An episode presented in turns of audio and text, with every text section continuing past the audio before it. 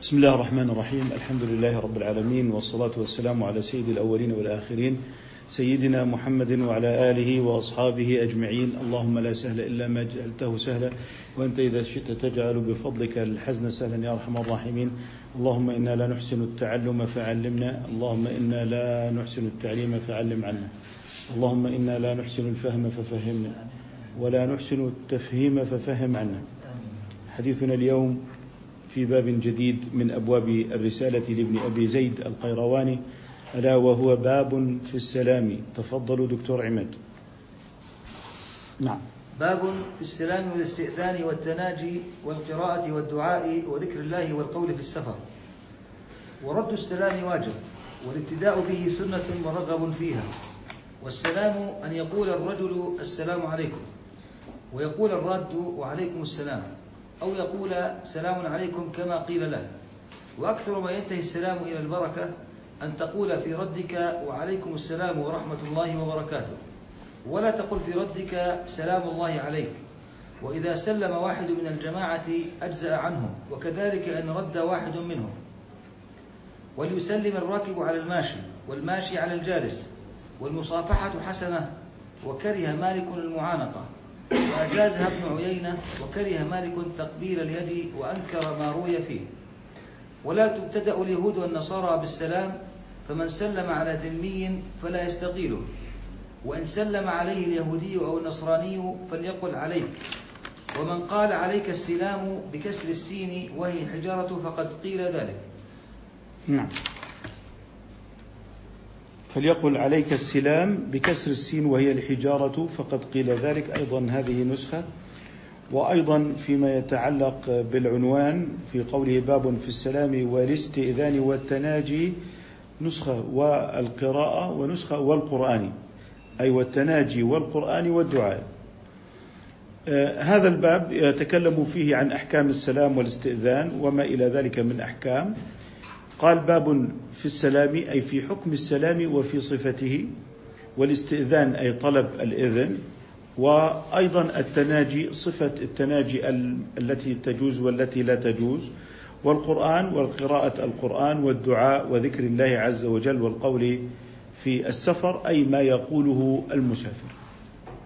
وهذا باب جمل حقيقة يعني من أفضل الأبواب التي يمكن أن تعلم للأبناء في البيوت. وقد حدثني بعض الإخوة أنه يعني يدرس هذه المعاني وهذه الأبواب لأبنائه لما فيها من النفع والفائدة. آه، قال ورد السلام واجب. إذا أن ترد السلام على من سلم عليك واجب لكنه فرض كفاية. لكنه إيه؟ فرض كفاية فيجزئ أن يرد الواحد عن الجماعة. قال والابتداء به سنة. هذا هو القول المشهور ومقابله واجب. قال والابتداء به سنة أي سنة كفائية أيضا. سنة كفائية. فإذا قام بها البعض آه، كفت عن الباقين.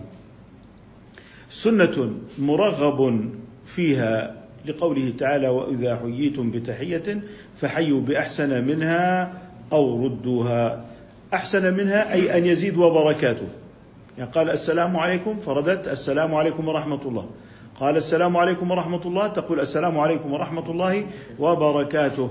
وبعد بركاته لا يزيد لا توجد زيادة ونحن نتعامل مع السلام على أنه لفظ توقيف على أنه لفظ توقيف. ف وأيضا في قوله تعالى فإذا دخلتم بيوتا فسلموا على أنفسكم على أنفسكم. والنفس قد تكون هي آه، الأولاد والزوجة والأهل والأقرباء. كقوله تعالى ولا تلمزوا أنفسكم. فالإنسان لا يلمز نفسه لكن لو لمز أخاه جعل أخاك كنفسك. ومنه أيضا قوله تعالى ولا تقتلوا أنفسكم. فيمكن أن يحمله أحدهم على الانتحار وهو مقبول. وممكن أيضا أن آه، تحمل على قتل أخيك. واضح؟ فلك أن تحملها على الظاهر ولك أيضا أن تحملها على هذا المجاز أو أنه من نفسك والزوجة من النفس. خلق لكم من أنفسكم. قال والسلام أن يقول الرجل. طبعا هنا لا مفهوم للرجل بل والمرأة أيضا. أن يقول الرجل. طبعا أنت بتقول السلام عليكم. هذا بيت- بيتكلم عن الصيغة. طب لو كان واحدا أيضا تقول السلام عليكم. لماذا؟ لأنه معه الملائكة ومعه الحفظة. فهو على الحقيقة أكثر من واحد. فلذلك لما تقول السلام عليكم تقول الواحد كالجماعة. الواحد آه، آه، كالجماعة والابتداء بال والانتهاء بكم. يعني السلام ما تقول سلام السلام. تقول السلام هذا على وجه الندب طبعا. السلام. عليكم. واقتصر على الرجل لأنه هو يعني الغالب في واقع السلام. اذا تقول أن يقول الرجل السلام عليكم ويقول اللي هو من؟ الراد. يقول آه، وعليكم السلام. ويقول عليكم السلام. سؤال من الشيخ عماد في قوله تعالى قالوا سلاما هذه التحية إنه هي سلام آه، مفعول مطلق لفعل محذوف نسلم سلاما. أو أنها تكون بما أن السلام قول أو أن السلام قول فهي مرادف القول. فجاء بنوعه سلام فتصبح مثل جلست قعودا. مثلا بيان هيئة في الحال. فنحن نقول هنا سلاما وقعت على أكمل وجه وبلغت المنتهى على أنها مفعول مطلق على أنها مفعول مطلق. في قوله قال سلام أيضا سلام هنا آه، يكون للتعظيم يكون للتعظيم. واضح؟ قد وهذا يعني كثير في التنكير أن يكون للتعظيم ليبلغ منتهى أيضا السلام. فكانت أبلغ في موضوع التعظيم وكان هناك المفعول المطلق. فتنكير قصد به التعظيم وهناك سلام قصد به المنتهى فكلاهما رد بالأحسن وكلاهما تسليم بالأفضل دائما بالمنتهى. واضح؟ فهنا السلام للتنكير. التنوين هنا تنكير للتعظيم. تنكير للتعظيم. طيب في قولنا ويقول الراد وعليكم السلام. ولو قال المسلم في الابتداء ورحمة الله وبركاته. فالسلام السلام عليكم ورحمة الله. الرد لا تزيد آه، أكثر من بعد وبركاته. السلام عليكم ورحمة الله وبركاته. الرد يكون وعليكم السلام ورحمة الله وبركاته. لا زيادة على هذا. طيب لماذا توقيف؟ إذا إذا لاحظنا ملحظ التوقيف. علينا أن نلتزم بما ورد. فإذا قلنا السلام عليكم هذا الوارد في الصلاة وجعل ال في المذهب هنا أن ال ركن في السلام في الصلاة. ركن في السلام في الصلاة. لأنها منتهى التعبد لتحليل الصلاة كما نقول في في تكبيرات الإحرام أنه لا يجزئ غيرها أنه لا يجزئ غيرها. إذا لما كانت توقيفية في التحية بين الناس جاز أن تقبل سلام عليكم. وهي موجودة أيضا في القرآن لأنها من التحايا ولها أصل ولها أصل. كما ورد في الآيات أيضا قالوا سلاما ثم أجاب سلام وما إلى ذلك. لكنها في الصلاة اكتسبت صفة الأمر الواجب صلوا كما رأيتموني أصلي. لذلك لاحظنا أنها في الصلاة اكتسبت ما فوق التوقيف. ما فوق التوقيف وهو أنها تعبدية ولا يكون التحلل إلا بها. لذلك لا يوجد عندنا في الصلاة السلام عليكم ورحمة الله وبركاته. لماذا؟ لأن ما ورد في الصلاة السلام عليكم. السلام عليكم. فلا نزيد ورحمة الله وبركاته في المذهب. لكن طبعا في مذهب آخر معتبر أيضا هناك ورحمة الله. لذلك لاحظنا أنها غاية التعبد وغاية التوقيف في الصلاة. لكنها في بقية التحايا مختلفة. ممكن تقول لي مساء الخير صباح الخير. ممكن أقول لك هذا من القول الحسن. هذا من القول الحسن أنك تقول كلاما حسنا. ويندرج تحت قوله تعالى وقل لعبادي يقولوا التي هي أحسن. وأيضا وقولوا للناس حسنا. لكننا عندما نقول إن التحية جاءت للتوقيف هنا بهذه الألفاظ السلام عليكم. وما ورد من التحية ترخصنا فيه سلام عليكم. واضح؟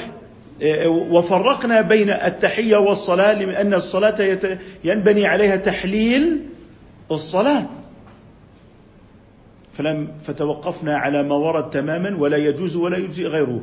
لكن لما وردت التحية بصيغ عدة وكانت صيغة, صيغة الكمال هي السلام عليكم ورحمة الله وبركاته جرينا عليها. فلو قلنا إن هذه الصيغة أيها الأكمل فإنني أقول السلام عليكم هي الأكمل.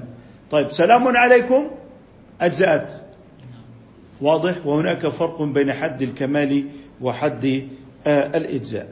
لذلك آه، يعني المنتهى في التحية ورحمة الله وبركاته. وانظروا أننا نسير على أصل واحد. ماذا قلنا في البسملة في الطعام؟ على ما ورد. بسم الله. في الذكاء؟ بسم الله. وقلنا تكره الزيادة لكننا لم نقل بدعة لأنه لم يرد. إنما هي لأننا هذا اعتمدناه مندوبا فمخالفه مكروه. فمخالفه مكروه وخلاف الأولى. مكروه وخلاف الأولى. طيب. فإذا كان شخص بعيد فقال لك السلام عليكم. أجزأتك الإشارة. لأنه لا يسمع وعليكم وعليكم السلام. واضح؟ فإذا كان من بعيد فلك أن تؤشر بالرد وكذلك تكفي الإشارة من الأخرس. تكفي الإشارة من الأخرس. إذا متى تسمع؟ يعني تحاول أن الشخص القريب منك أن تسمعه الرد. فإن كان بعيدا فسلم عليك ربما أنت لم تسمعه مثلا. لكن إحنا نقول إن هذه اللفظة اللي هي السلام عليك وهو لا يسمعك آه، آه، أشر له حتى يرى سلامك وكذلك الحال في موضوع الرد فإنه يسلم ويؤشر كذلك. لذلك في قوله آه، وأكثر ما ينتهي السلام إلى البركة نظرا للتوقيف أن تقول في ردك وعليكم السلام ورحمة الله وبركاته. وهو ما ورد عن ابن عباس في الموطأ. دخل عليه رجل من أهل اليمن. فقال السلام عليكم ورحمة الله وبركاته. ثم زاد مع ذلك شيئا. فقال ابن عباس من هذا؟ وهو يومئذ قد كف بصره هو ابن عباس رضي الله تعالى عنه. قالوا هذا اليماني الذي يغشاك. فعرفوه إياه فقال ابن عباس إن السلام انتهى إلى البركة. إن السلام انتهى إلى البركة. والزيادة بعد ذلك هي زيادة على التوقيف وعمل محدث وعمل أهل المدينة أولى بأن يجرى عليه وبأن يتبع ولاحظوا أنهم دائما حيث كان الأمر توقيفا يأتون بأنه لم يرد وليس بكل شيء في الأدلة لم يرد. إنما تجد أنه حيث كان التوقيف فهو الملتزم به وما زاد هذا يعني يكون لم يرد فيه حجة. لماذا؟ لأن الترك هنا تعلق به الخطاب ترك تعلق به الخطاب. إذا المخاطبة السلام عليكم ورحمة الله وبركاته. ولاحظوا ملحظ ابن عباس هنا في موضوع السلام أنه نهى عن الزيادة لأن المطلوب أن يقتصر عليه لملاحظة معنى التعبد فيه حتى تكلموا عن آل وكم وما إلى ذلك من مثل هذه الأحكام. أما فيما كان من باب العادات والمصالح والوسائل وما أطلقته الشريعة فقد تعلق فيه الخطاب بالإطلاق أصلا. فلا يجوز لك أن تقول لم يرد أو لم يثبت أو لو كان خيرا لسبقونا إليه. نقول لك ما أطلقته الشريعة وكان الخطاب فيه بالإطلاق مثل جمعة مباركة دعاء. رب اغفر لي ولوالدي في محلات الأدعية في الصلاة. واضح؟ لذلك نحن عندما نقول متى يكون الترك حجة فيما تعلق به الخطاب. فيما تعلق به الخطاب. أما ما كان عدما فلا يكون دينا. ما كان عدما فلا يكون دينا. ولا يجوز لنا أن نأتي بالعدم ونجعله دينا ثم نأتي بالدين ونجعله عدما. هذا لا يصح. ولذلك هنا ملحظ ابن عباس دقيق في موضوع التوقيف. ودقيق في موضوع أنه ليس لنا أن نزيد لماذا؟ لما ورد عنه في الشرع أنه حد هذا القول للتحية في الإسلام. ما سوى ذلك من الكلام لا يلحق بالتحية، لا يلحق بالتحية. اذا آه، آه، نميز بين ما هو قول حسن وما هي التحية المعتبرة بين المسلمين. لو قلت لي صباح الخير بقول لك تحية معتبرة. ما لم يكن فيها تشبه بأهل المعاصي والفسوق والفجور وكلامهم في التحايا وبالتالي يصبح مخالفة لأصحاب الفجور. طيب قال ورحمة الله وبركاته. ولا تقل في ردك سلام الله عليك. وهذا النهي هنا على جهة الكراهة على جهة الكراهة. ولا تقل في ردك سلام الله عليك فهو غير وارد. واضح؟ ومنلاحظ هنا موضوع الخطاب والترك ولكنه يجزئ في السلام. لكنه يجزئ في السلام. قال وإذا سلم واحد من الجماعة أجزأ عنهم. لاحظوا أن الكمال أن يسلم الجميع وأن يرد الجميع. لمزيد من تآلف القلوب. لمزيد من المودة لمزيد من المحبة. واضح؟ لكنه لو رد من الجماعة واحد أو ابتدأ واحد من الجماعة فقد أجزأ عن الجميع فقد أجزأ عن الجميع. لماذا؟ لأنه لو ردوا جميعا كل أخذ أجر الرد. لو أنهم ابتدأوا جميعا كل أخذ أجر الابتداء. من لم يسلم؟ فهذا ليس فعلا. هذا ليس فعلا. هذا عدم واضح. الآن آه هذا التأكيد على أن يسلم الجميع وأن يرد الجميع مراعاة لمقصد السلام وهو المودة. وهو إيه؟ المودة وتعليم الجاهل كذلك. قال وكذلك إن رد واحد منهم وليسلم الراكب على الماشي وليسلم الراكب على الماشي. الآن سلام الراكب على الماشي لأن السلام في معناه الأمان. والأمان يكون من الأقوى للأضعف. ويسلم من هو أقوى على من هو أضعف. ومن أقدر على البطش ممن لا يقدر على البطش. فراكب الفرس مثلا يسلم على راكب الحمار. هذه أمثلة الفقهاء. ويؤخذ من ذلك إنه أيضا ركاب السيارات. ركاب السيارات يعني الفور ويل بده يسلم على مين؟ على السيفيا لأنه أقدر على البطش. فلذلك آه، السلام هو أمان. هو إيه؟ أمان. حتى قالوا إن راكب الفرس يسلم على راكب الجمل مع أن كليهما راكب. آه، الآن سايق السنجل اللي هم القلبات الكبيرة هذول بدهم يسلموا على الجميع. واضح؟ ليتناسب مع مقصد السلام وهو منح الأمان. ليتناسب مع مقصد السلام وهو منح الأمان. هذا يقتضي أن القاضي يسلم على مساعده. يبدأ القاضي. أن الرتب العسكرية العليا تسلم على الرتب الدنيا لمنح الأمان. لذلك آه، يقتضي منا السلام أن يكون في معناه الأمان حقيقة فيسلم الأقوى على الأضعف. فالماشي يسلم على الجالس والراكب يسلم على الماشي. وأن يلحظ الأقوى أنه هو الذي يبتدئ بالسلام وهو الذي يكون سببا أيضا في جواب السلام. قال والمصافحة حسنة والمصافحة حسنة.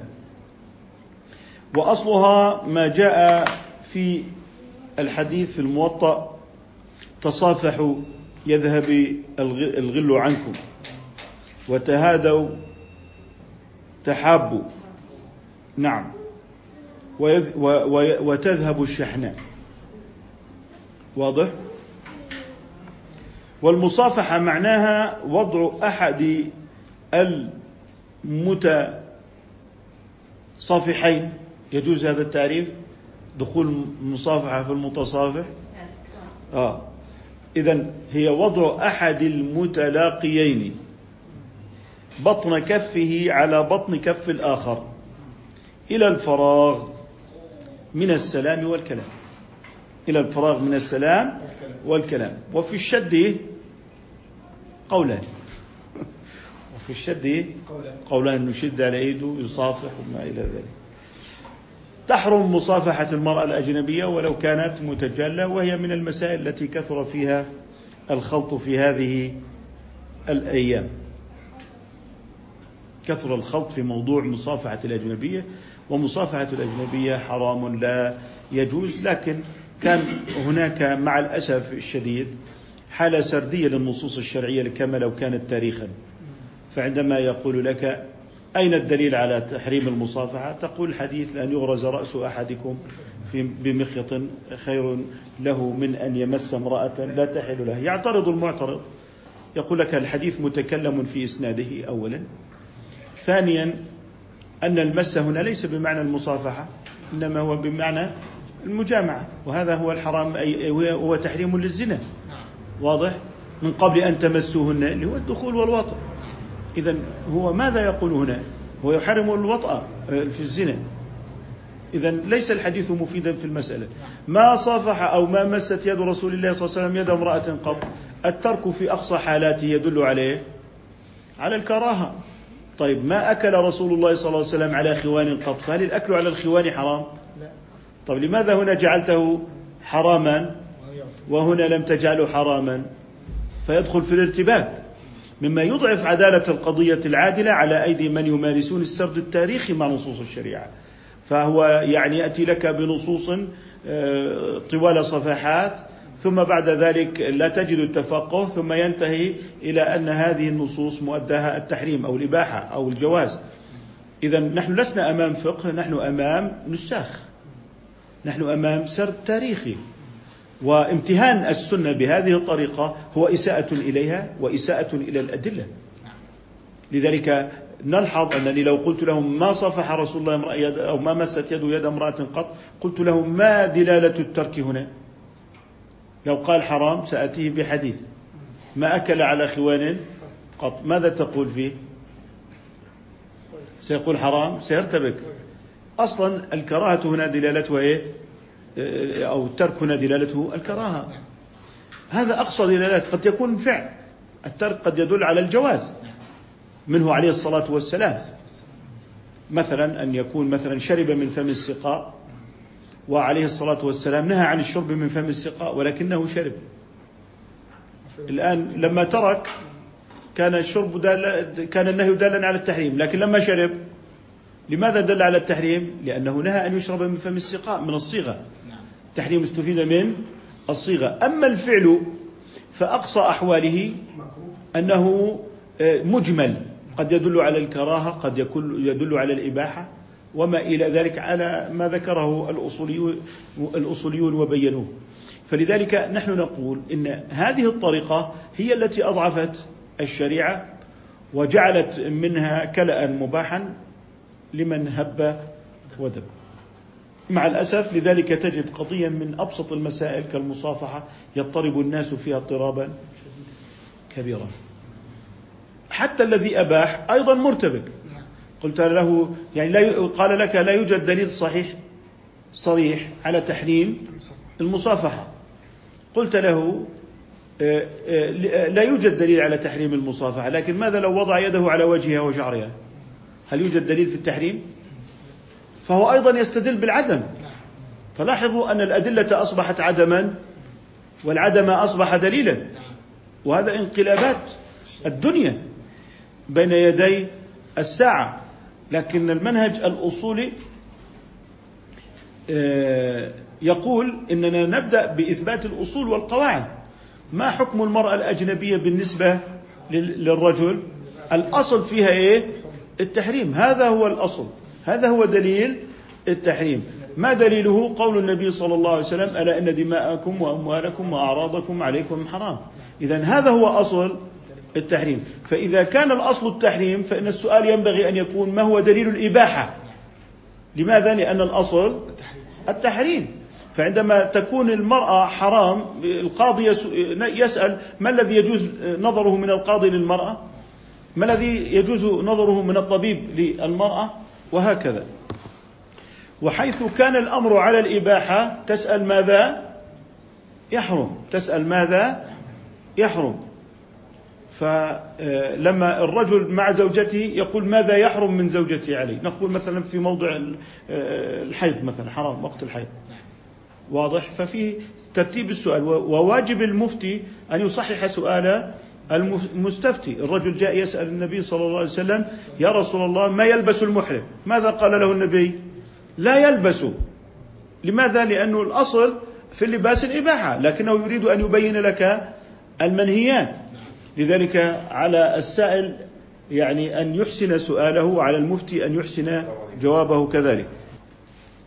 إذا آه، كان لدينا في هذا السؤال إشكالان. إشكال أن المفتي لا يصحح السؤال. الإشكال الثاني تجاهل الأصول العامة والأدلة.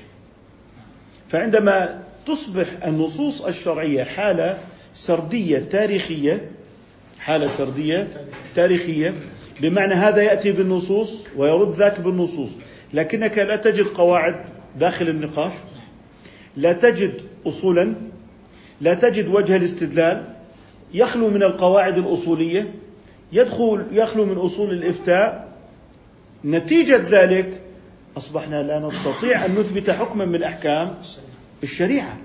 وبالتالي هذا مما أدى إلى إضعاف الطرح الفقهي العلمي الشرعي. نتيجة التعامل مع نصوص الشريعة كحالة سردية دون معرفة وجوه الاستدلال، قواعد الاستدلال، أصول الاستدلال، ولعل هذا الكلام في المصافحة كان نموذجا على ذلك من ناحية هذا الارتباك.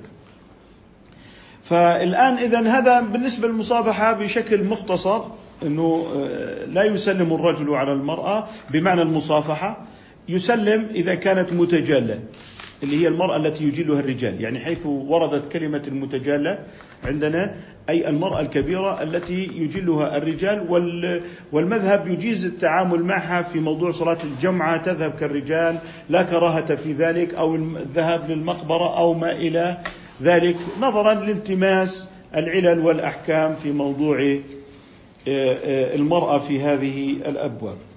إذا المصافحة حسنة كما يقول. المصافحة حسنة. الآن يكره اختطاف اليد قبل الفراغ من السلام أو الكلام. يعني الواحد بيسلم مجرد ما مست يده يد الآخر سحبها قبل أن ينتهي السلام. فنقول يكره ذلك. يكره ذلك. واضح؟ ولا ي... وعندنا يكره تقبيل اليد. ولا أن يقبل أحدهما يد آه، صاحبه. قال وكره مالك المعانقة. كره مالك المعانقة اللي هي بشكل بدون مناسبة قدوم سفر آه، مثلا وما إلى ذلك من هذه المناسبات الداعية لذلك وأنه لم يجري به عمل حيث ورد لم يجري به عمل مستمر إنما هو قاصر على حالات السفر أو الشوق اللي هو بين الأهل في حالات يعني يعني تحصل فيها هذه الحالة. قال وأجازها ابن عيينة. لاحظ أنه يقول وأجازها ابن عيينة.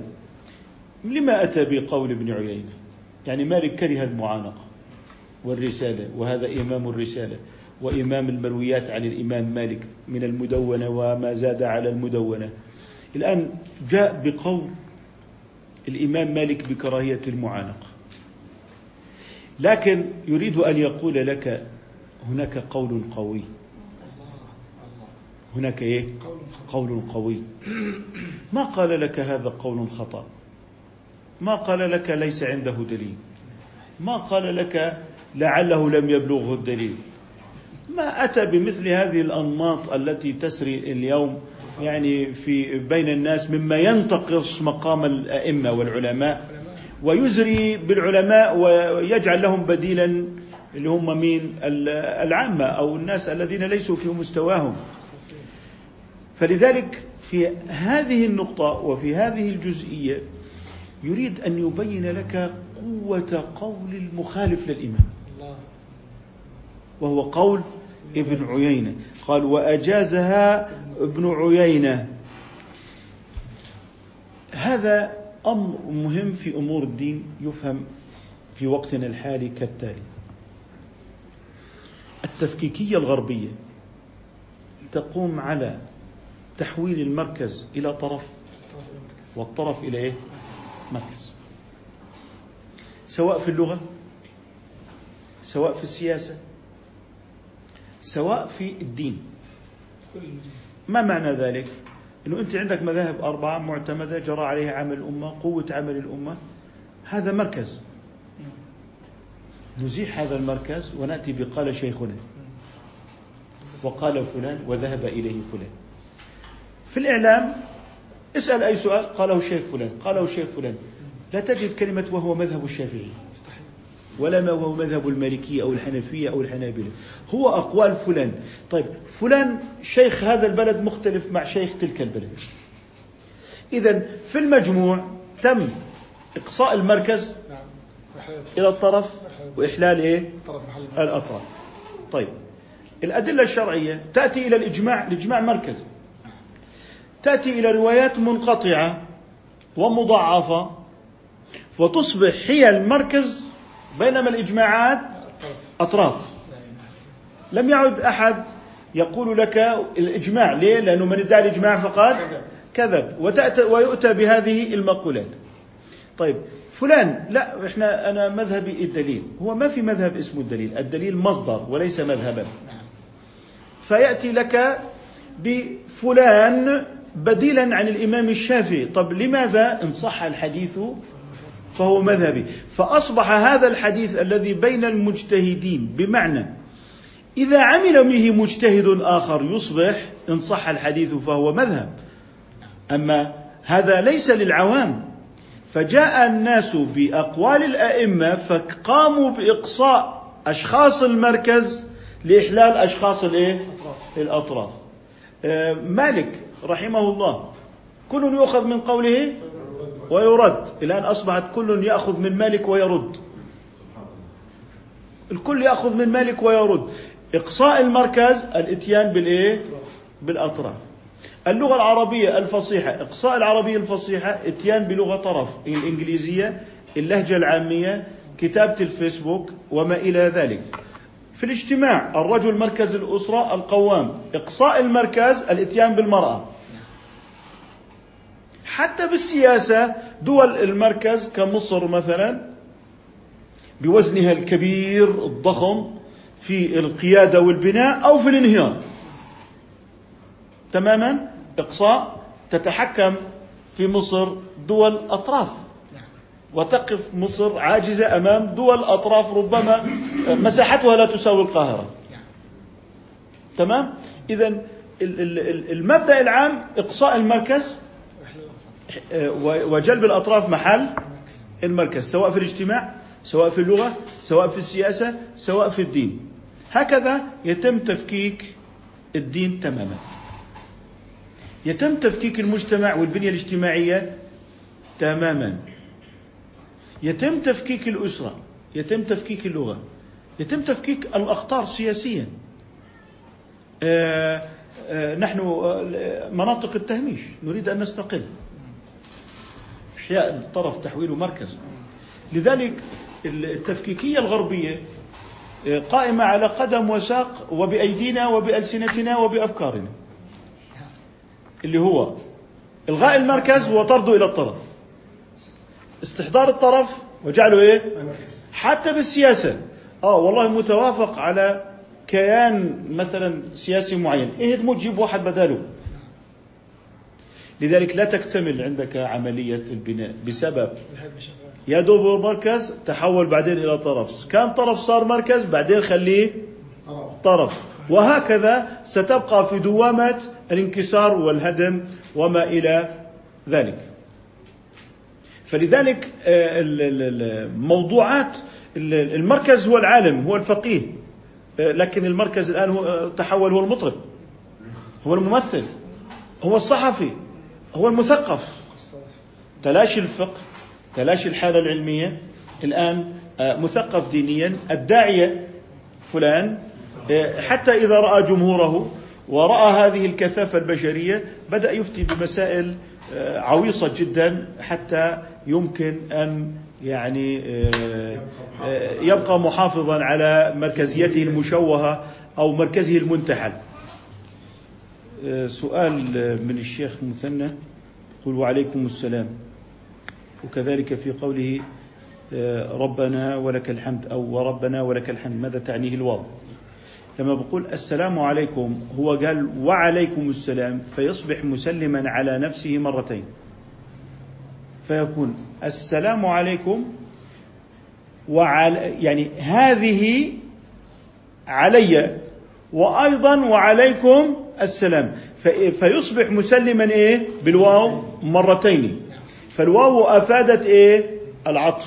أفادت العطف. هذا سلم عليه صح؟ طب أنا قلت وعليكم ما معناها؟ أنه أنا سلمت على حالي وسلمت عليك. فكأنني قلت وعلي السلام وعليكم.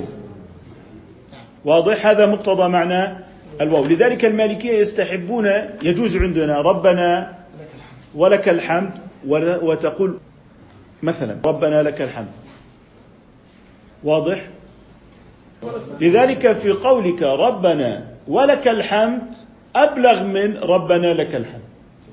كأنه قال أقول ما قلت سمع الله لمن حمده وربنا ولك الحمد. فصار فيها العطف فكأنني ذكرت ما قاله الإمام سمع الله لمن حمده وما اللي هو إيه؟ قاله ردي عليه اللي هو ربنا ولك الحمد. فكأنه قال سمع الله لمن حمده وربنا ولك الحمد أيضا. فكأنه قال الجملتين. هذا ما تقتضيه العطف نعم. فأصبح مثنيا على الله. بسمع الله لمن حمده وبقوله ربنا لك ولك الحمد. إذا لهذا الأحب إلينا ربنا ولك الحمد ويصح عندنا أيضا ربنا لك الحمد. بكليهما والأثر بكليهما أيضا. والأثر بكليهما. آه، إذا آه، وكره مالك تقبيل اليد وأنكر ما روي فيه. وأنكر ما روي فيه. طبعا سواء كان عالما أم ليس بعالم كان أبا كان زوجا واضح؟ آه، لأنه من فعل الأعاجم ويورث الكبر وليس معروفا في السلف فهو على الكراهة لكنه ليس بدعة مذمومة. إذا هذا فيما يتعلق في اللي هو كراهة تقبيل آه، اليد وأنكر ويقول هنا وأنكر ما ذكر مالك. أليس كذلك لكن من هو الذي أنكر؟ اللي هو مالك. وأنكر ما روي فيه في موضوع تقبيل اليد. ماذا يعني نقول في هذه الرواية عن الإمام إذا كان الإمام في هذا الذي يروى عنه راويا فهو حكمه حكم الرواية وهي حجة وهي إيه؟ حجة أما إن كان من جهة التفقه بمعنى أن الإمام تفقه في هذه المسألة وليس راويا فيرجع الأمر للعلل للبحث في الإيه؟ في العلة فإن كانت العلة ما يورث الكبر وما يورث التشبه بالكفار فهي الآن منتفية فهي الآن إيه؟ منتفية فالكفار لا يرون آباءهم حتى يقبلوا أيدي آبائهم واضح؟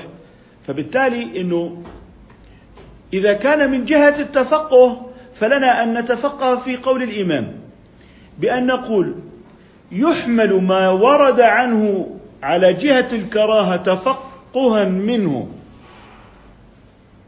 تفقها منه. وما هو واقع الآن؟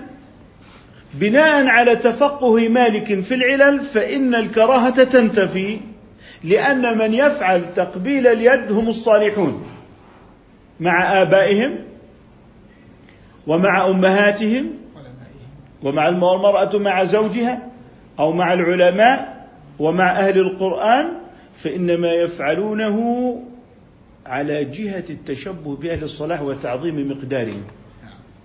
هذا من جهة التفقه. إذا إذا أردنا أن نروي إنكار الإمام على تقبيل اليد علينا أن نأتي به.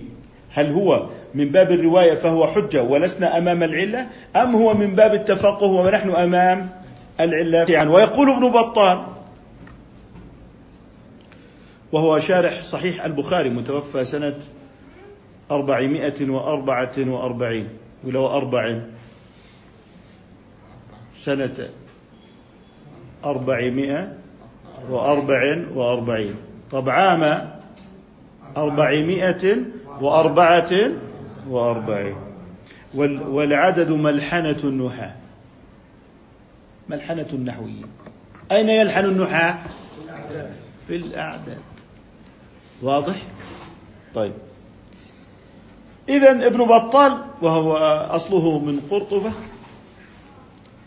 يقول يجوز تقبيل يد الأب والعالم والرجل ويكره تقبيل يد الظالمين.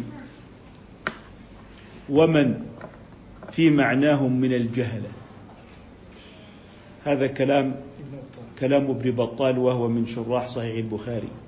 وقد اعتمد عليه ابن حجر اعتمادا كبيرا في شرح صحيح البخاري. وقد اعتمد على المالكية بصفة عامة. وللمالكية على صحيح البخاري ما يزيد على عشرين شرحا. والدكتور عماد موضوع الرسالة في أحد شروح المالكية وهو الشيخ محمد الخضر أو الخضر الشنقيطي كلاهما ضبط في الكتاب.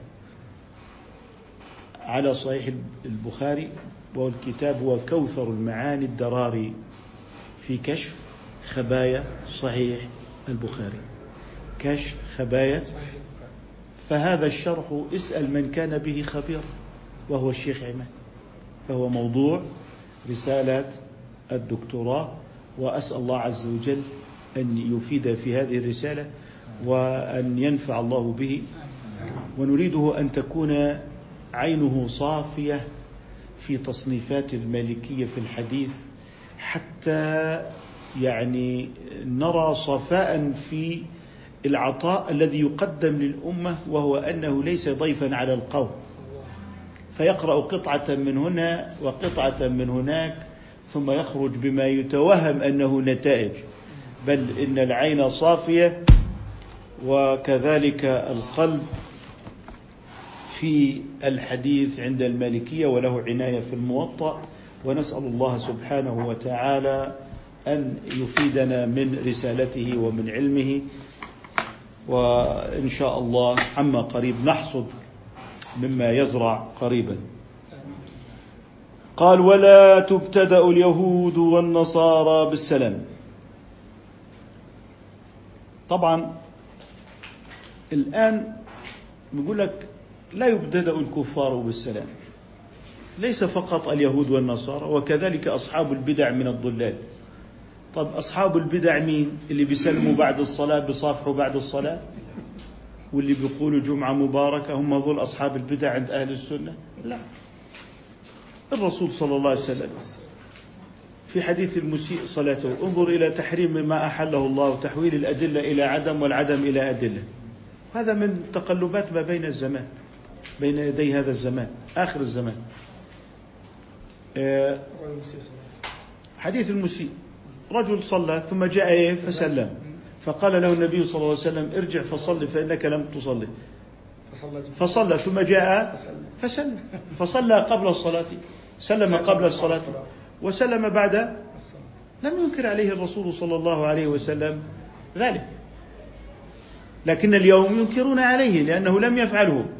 لاحظ كيف أن العدم أصبح يعدم الأدلة وتحولت الأدلة إلى عدم وتحول العدم إلى دليل. وهذا من تقلبات ما بين يدي الساعة. فإحنا بنقول السلام على أهل بدعة القدرية بدعة خلق أفعال العباد أن الناس يخلقون أفعالهم بدعة الشيعة في الطعن في الصحابة وأمهات المؤمنين. لا أن تأتي فتصطنع بدعا من عندك. ثم بعد ذلك تفرق المسلمين بهذه السلة والترسانة من البدع وتذهب وتستولي على عامة الناس غير المتعلمين وتخاطبهم بهذه المفاهيم السطحية. وبعد ذلك نجد الفرقة في المساجد وما إلى ذلك. نسأل الله عز وجل أن يعافينا من ذلك. قال فمن سلم على ذمي يعني نسي أو ظنه مسلما. فلا يستقيله. يعني لا يطلب منه الإقالة يقول ما أنا فكرتك مسلم. لا لا تستقيله لأنه خلص آه، وقع. قال وإن سلم عليه اليهودي أو النصراني.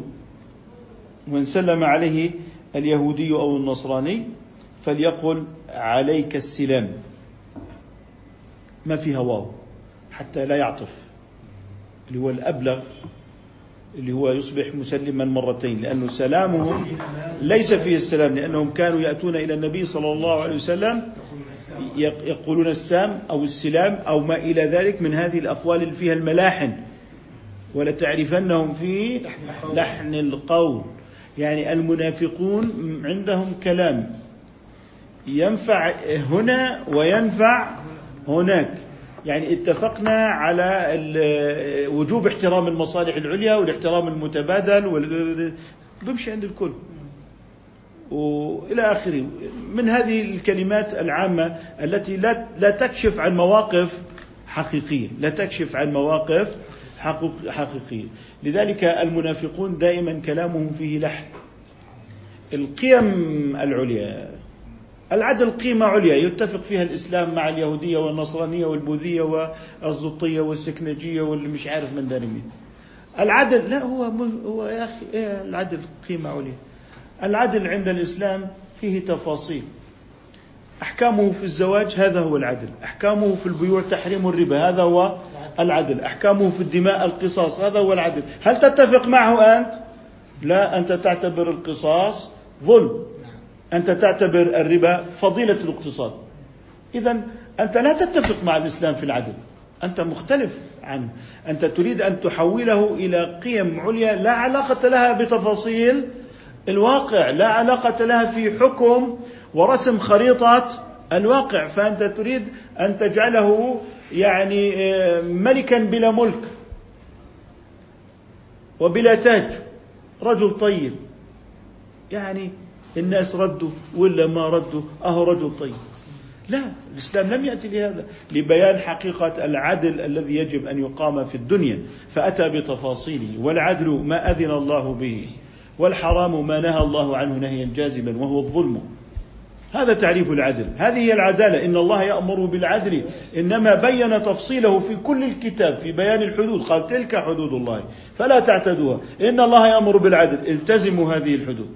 إذا هو لم يأتي لك بقيم جمالية عليا كما لو كانت لوحة فنية على الجدار. إنما يأتيك بخارطة الحياة التي هي تضمن العدالة للناس في وقت اتفقوا فيه على مبدأ العدالة وسفكوا دماءهم لجهلهم بتفاصيل هذه العدالة. يرحمكم الله. إذا دون واو فيقول عليك السلام بكسر السين وهي الحجارة فقد قيل ذلك. وهذا لبيان الجواز وليست قيل هنا بمعنى التضعيف وليست بمعنى التضعيف. طبعا السلام والسلام والسلام من المثلثات التي يختلف معناها باختلاف حركة حرف الفاء أو حركة حرف العين. لذلك آه، قطرب كتب هذه المثلثات ثم نظمت مثلثات قطرب. طبعا قطرب هو تلميذ سيبويه وسماه سيبويه قطرب. سماه سيبويه إيه؟ قطرب. لماذا؟ لأنه كان يتردد عليه حتى في الليل. يأتيه في أضيق الأوقات فقال له أنت قطرب ليل والقطرب دويبة لا تهدأ.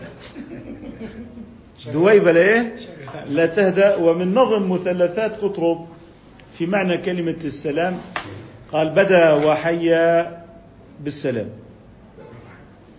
رمى عذولي بالسلام. أشار نحوي بالسلام بكفه المخضب. لاحظ بدأ بالسلام. رمى عذولي بالسلام. تمام؟ أشار نحوي بالسلام بكفه المخضب. بعدين شو بيقول؟ بالفتح لفظ المبتدئ بالفتح لفظ المبتدئ اللي هو المبتدئ بالسلام. مش قال لك بدا وحيا بالسلام؟ قال بالفتح لفظ المبتدئ. والكسر صخر الجلمدي اللي هو السلام. قال رمى عذولي بالسلام. قال والكسر صخر الجلمدي والضم عرق في اليد. قد جاء في قول النبي. يصبح على كل سلامة يصبح على كل سلامة لذلك لابد أن نحفظ الطلاب نظم مثلثات قطر. قصيرة ليست بالطويلة لكنها جميلة ومعناها جميل. نظم نظم مثلث قطرب نعم نظم مثلث قطرب وفيها أناشيد وفيها يعني ما فيها من الجمال. نكتفي بهذا القدر إن شاء الله تعالى. سبحانك اللهم وبحمدك نشهد أن لا إله إلا أنت نستغفرك ونتوب إليك.